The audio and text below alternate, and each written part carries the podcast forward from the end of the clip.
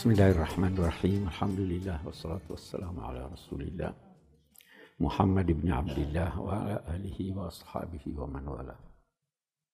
Bapak-bapak, ibu-ibu, saudara-saudara sekalian, Assalamualaikum warahmatullahi wabarakatuh. Kita malam ini akan berbicara tentang puasa. Biasa di bulan puasa ini kita selalu berkata mau beribadah. Ya kan? Ibadah itu ada kaitannya dengan hati. Kalau tidak ada kaitannya dengan hati, tidak dinamai ibadah. Nah, sekarang kita lihat ini. Bagaimana kita ini? Ibadah kita bagaimana? Kan tidak seperti itu. Ibadah kita kan hanya rukuk, sujud, ini, ini. Tidak ada.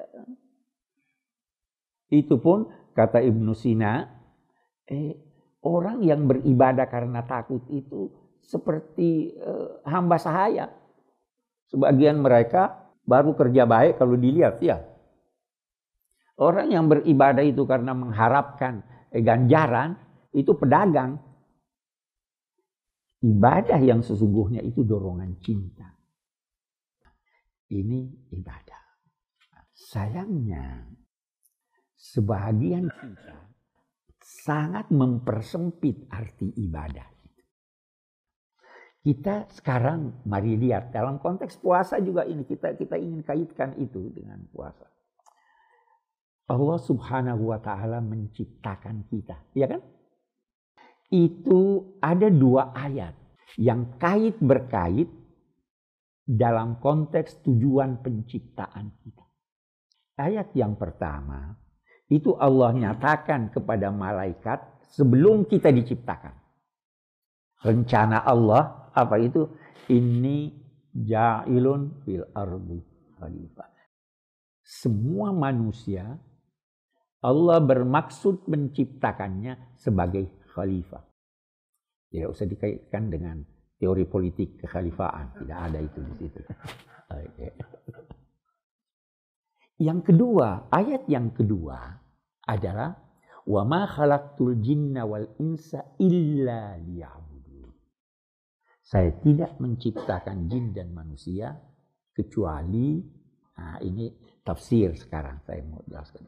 Illa liya'budun. Ada yang mengartikannya kecuali agar mereka beribadah kepadaku. Ya kan? Itu umum itu begitu. Jadi ada dua. Jadi khalifah dan untuk beribadah. Ada yang mengaitkan seperti ini. Kalau begitu, ada dua tujuan kita diciptakan. Membangun dunia ini dan beribadah kepada Allah. Saya mau terangkan dari segi tafsir sekarang. Itu dalam Eh, eh, dalam bahasa Arab ada kata lam li bisa berarti agar supaya bisa juga berarti akibat. Illa liya'budun. Ini lamul akibah. Dia Eh, eh, ditugaskan dia ditugaskan menjadi khalifah sehingga semua kegiatannya dalam konteks kekhalifahan itu berakibat ibadah kepada Allah. Jadi bukan buat ibadah. Akibatnya eh, ini terpaksa ulama memberikan penafsiran semacam ini karena sudah sangat populer ibadah cuma salat, puasa, haji, zakat. Gitu kan? Eh, kalau begitu, kewajiban menjadi khalifah itu dijelaskan oleh ayat lain wasta'marakum fiha. Kamu ditugaskan untuk memakmurkannya. Membangun bumi ini, memakmurkan bumi ini dengan potensi yang dianugerahkan Allah kepada kamu. Salah satu itu oleh ulama-ulama dalam konteks membangun dunia, membangun peradaban, itu ayat yang menyatakan begini.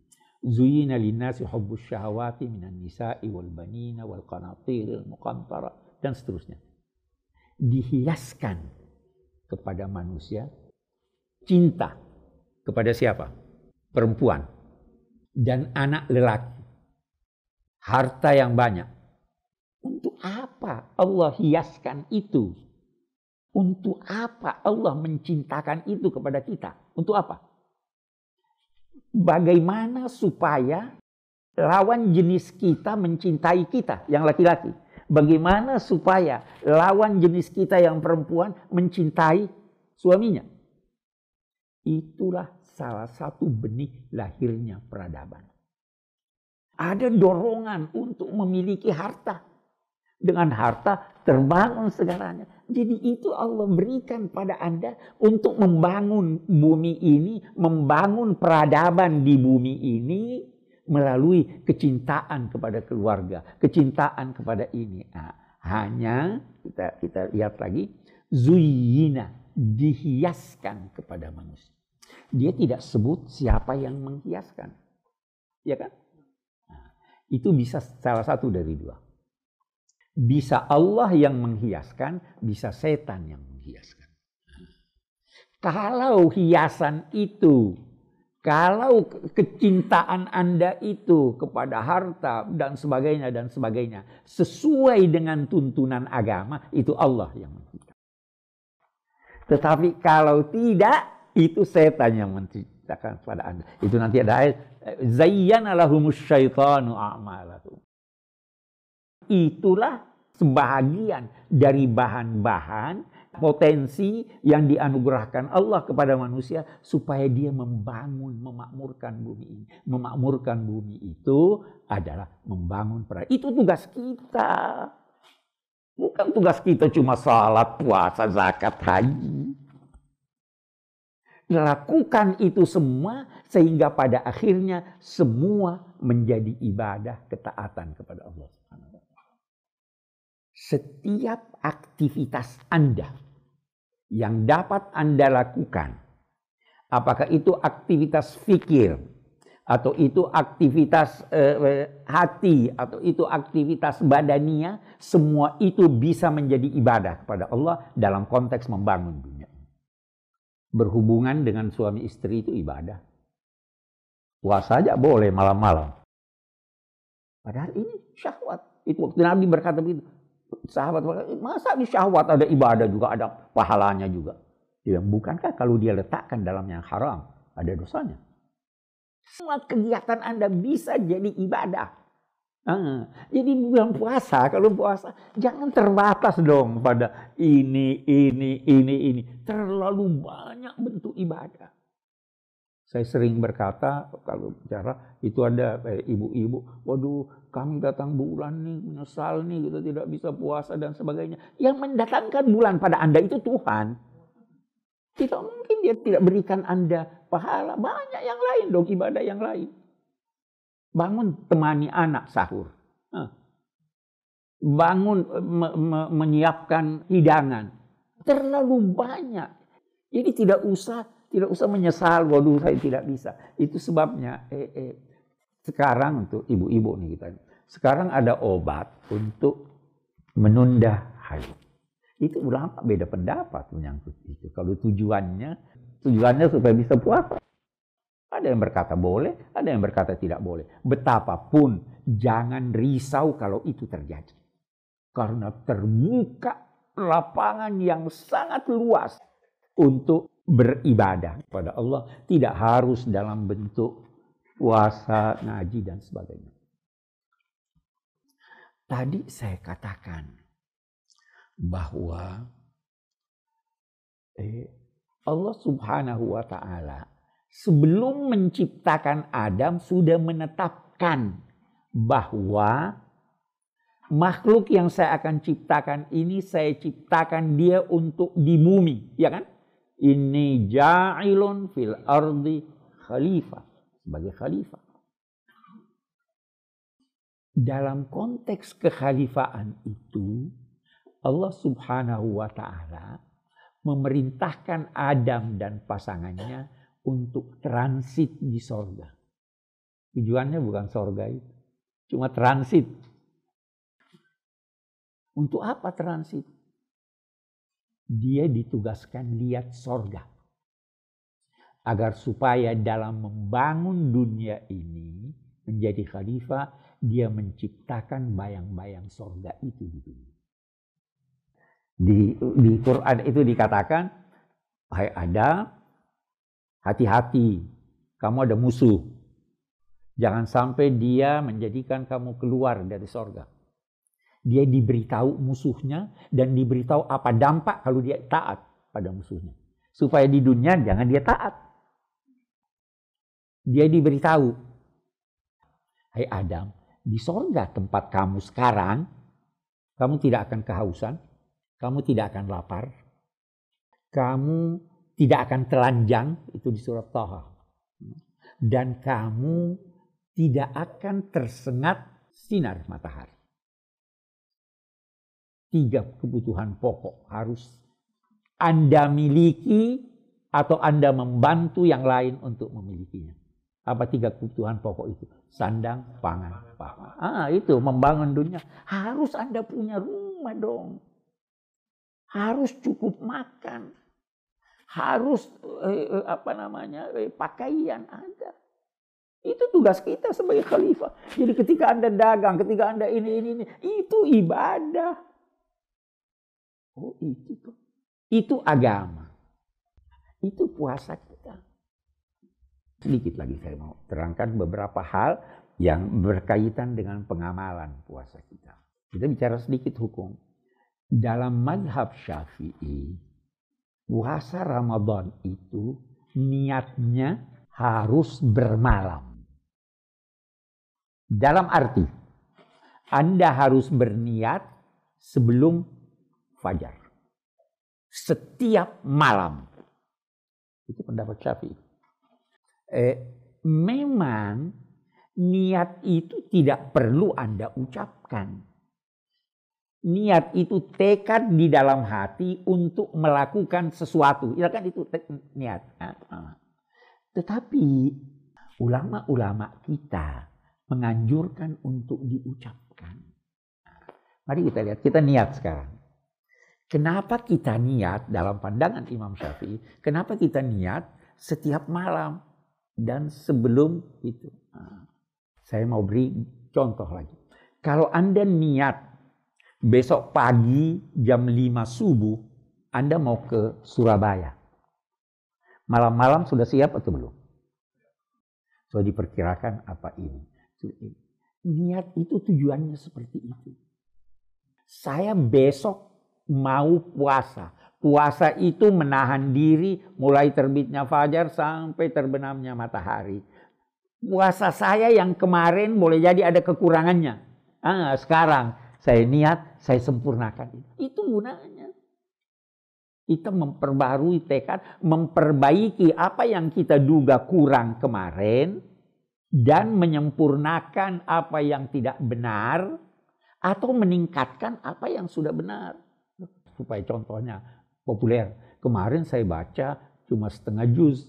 Padahal saya mau ah, waktu niat itu tergambar itu. Itu gunanya niat.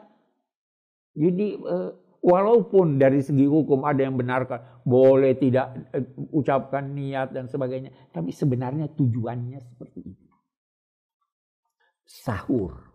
Sahur itu sebenarnya bukan hanya untuk makan. Sahur itu latihan untuk bangun tengah malam. Bisa tidak kita begitu?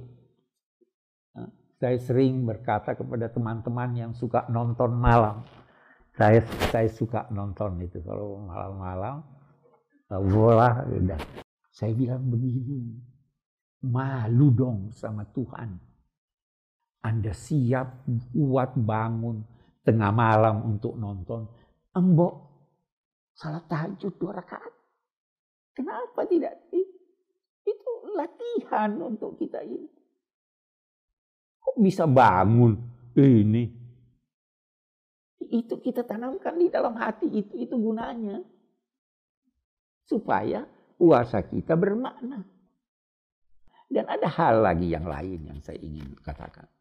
Eh, dulu zaman Nabi itu sangat populer memberi buka puasa orang. Eh, sekarang juga cukup populer, tapi sekarang ini ada hambatannya. Saya kalau diundang buka puasa hampir tidak pernah pergi. Karena macet lah, inilah, sebagainya. Tapi kita bisa melakukan apa yang diharapkan dari anjuran buka puasa itu tidak harus diadakan di rumah. Kalau di Mesir itu di jalan raya ada ada namanya Maidatur Rahman. Itu di mana-mana. Kita di sini aja di masjid-masjid ya. Di sana jalan raya penuh sepanjang jalan. Begitu selesai rame-rame mengapa namanya membersihkan tempat. Tak bisa itu. Eh, perlu kita pertimbangkan menurut hemat saya. Eh, menggunakan jam sahur, eh, sahur dan buka puasa itu dengan keluarga. Saya lebih senang begitu. Dengan anak-anak kita, dengan ini. Mungkin tidak harus dalam bentuk kasih nasihat dan sebagainya. Kasih dia contoh, mari kita sholat jamaah dan sebagainya. Daripada kita habis. Jadi ada alternatif-alternatif. Kalau sepanjang tahun kita tidak pernah makan siang dengan anak. Ya, makan malam sudah capek dan sebagainya. Mari kita gunakan itu. Karena itu tadi ibadah itu bukan cuma terbatas di sini. Ya kan ibadah begitu. Itu itu hal-hal saya kira yang kita eh, perlu lakukan introspeksi lah. Kita perlu lebih baik dari tahun lalu. Kita perlu eh, eh, lebih menghayati makna puasa itu. Eh, ada yang berkata begini, puasa itu mengajarkan kita tentang pentingnya waktu. Anda kalau bukan bulan puasa tidak merasa berjalan ini, ya kan? Kalau sudah puasa, aduh kapan buka? Nah, sudah, ya kan? Kapan sahur? Oh ini sudah berapa hari nih puasa? Itu mengajarkan Anda ini waktu ini ada harganya. ya kan? Ini kita tidak ada itu. Jadi, ah, ini saya kembali berkata, ibadah itu bukan cuma mengaji, tidak makan, tidak minum dan sebagainya. Banyak aspeknya ibadah itu yang kita bisa lakukan dengan mudah. Kita bisa lakukan tanpa biaya. Itu tujuannya eh puasa. Mudah-mudahan ada manfaatnya. Assalamualaikum warahmatullahi wabarakatuh.